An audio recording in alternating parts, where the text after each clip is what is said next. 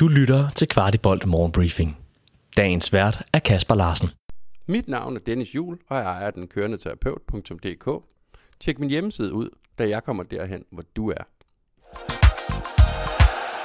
Morgenbriefing torsdag den 23. marts. I dag byder på træningskamp mod Brandbergen på 10'eren kl. 15.30. Kampen er ikke for tilskuere, men Kvartibold vil være til stede og opdatere fra kampen, hvor man må formode, at spillerne doseres, alt efter hvor meget tid de har spillet so far. I det hele taget er truppen stærkt reduceret i disse dage, da vi ikke har mindre end 10 spillere fra A-truppen i aktion i de kommende dage for diverse landshold. I søndags var vi 32.678 i parken mod Viborg, og det var sæsonrekord, da vi var 48 flere end i august måned, da vi mødte Brøndby IF. Vores tre hjemmekampe i 2023 er i snit blevet overværet af, ja hold jer nu godt fast, 29.672. Imponerende. Allerede om 10 dage skal holdet i aktion i mesterskabsspillet, hvor der er direkte duel om førstepladsen, og allerede nu ligner det, at vi kan se ind i mange tilskuere igen, og flere fyldte tribuner allerede. Torsdag aften kan Elias Jæler debutere på det danske A-landshold. Det kan han, når vi møder Finland i parken. Kasper Julemand forklarede på landsholdets pressemøde, at han anser Elias for at være en super spændende spiller, som er dygtig til at lægge pres på ydersiden.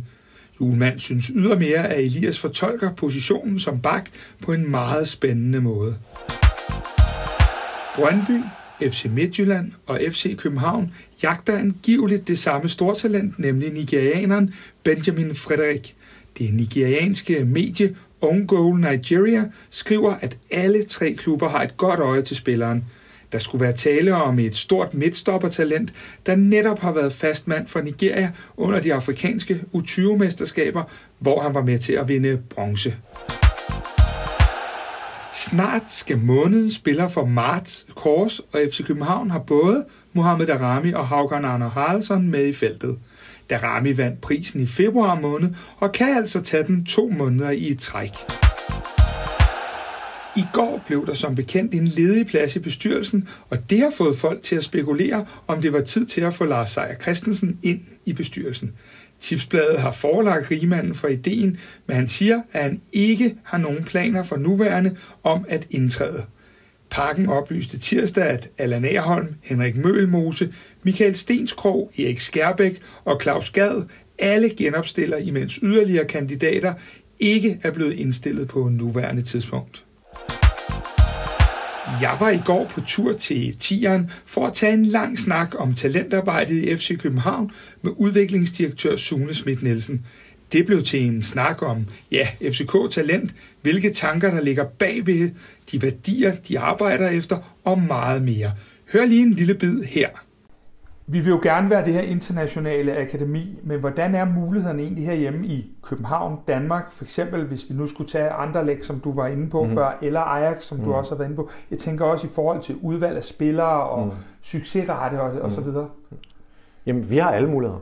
Altså, vi, vi, er, vi har lige så store muligheder, som, som, som de klubber har. De er bare, øh, nu tager jeg bare tage Ajax selvfølgelig. Det er klart, at Ajax Benfica er mange år foran os. Det vil sige, de har lavet mange fejl, øh, som de har lært af. Øh, de har øh, mange succeshistorier, de kan prale med. Øh, og det kan vi jo bare mærke nu, at når de spillere, vi har succes med nu, det er, når, når, når vi står i en rekrutteringscase på et nyt nordisk talent, er, jamen skal du gøre det samme som Rooney, skal du gøre det samme som Havgård, skal du gøre det samme som Klem og så videre, jamen så, så er det nemmere at overbevise dem øh, om, at de skal vælge FC København.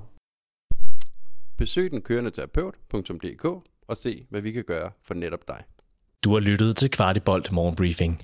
Vi er tilbage i morgen med byens bedste overblik over FC-kundigheder.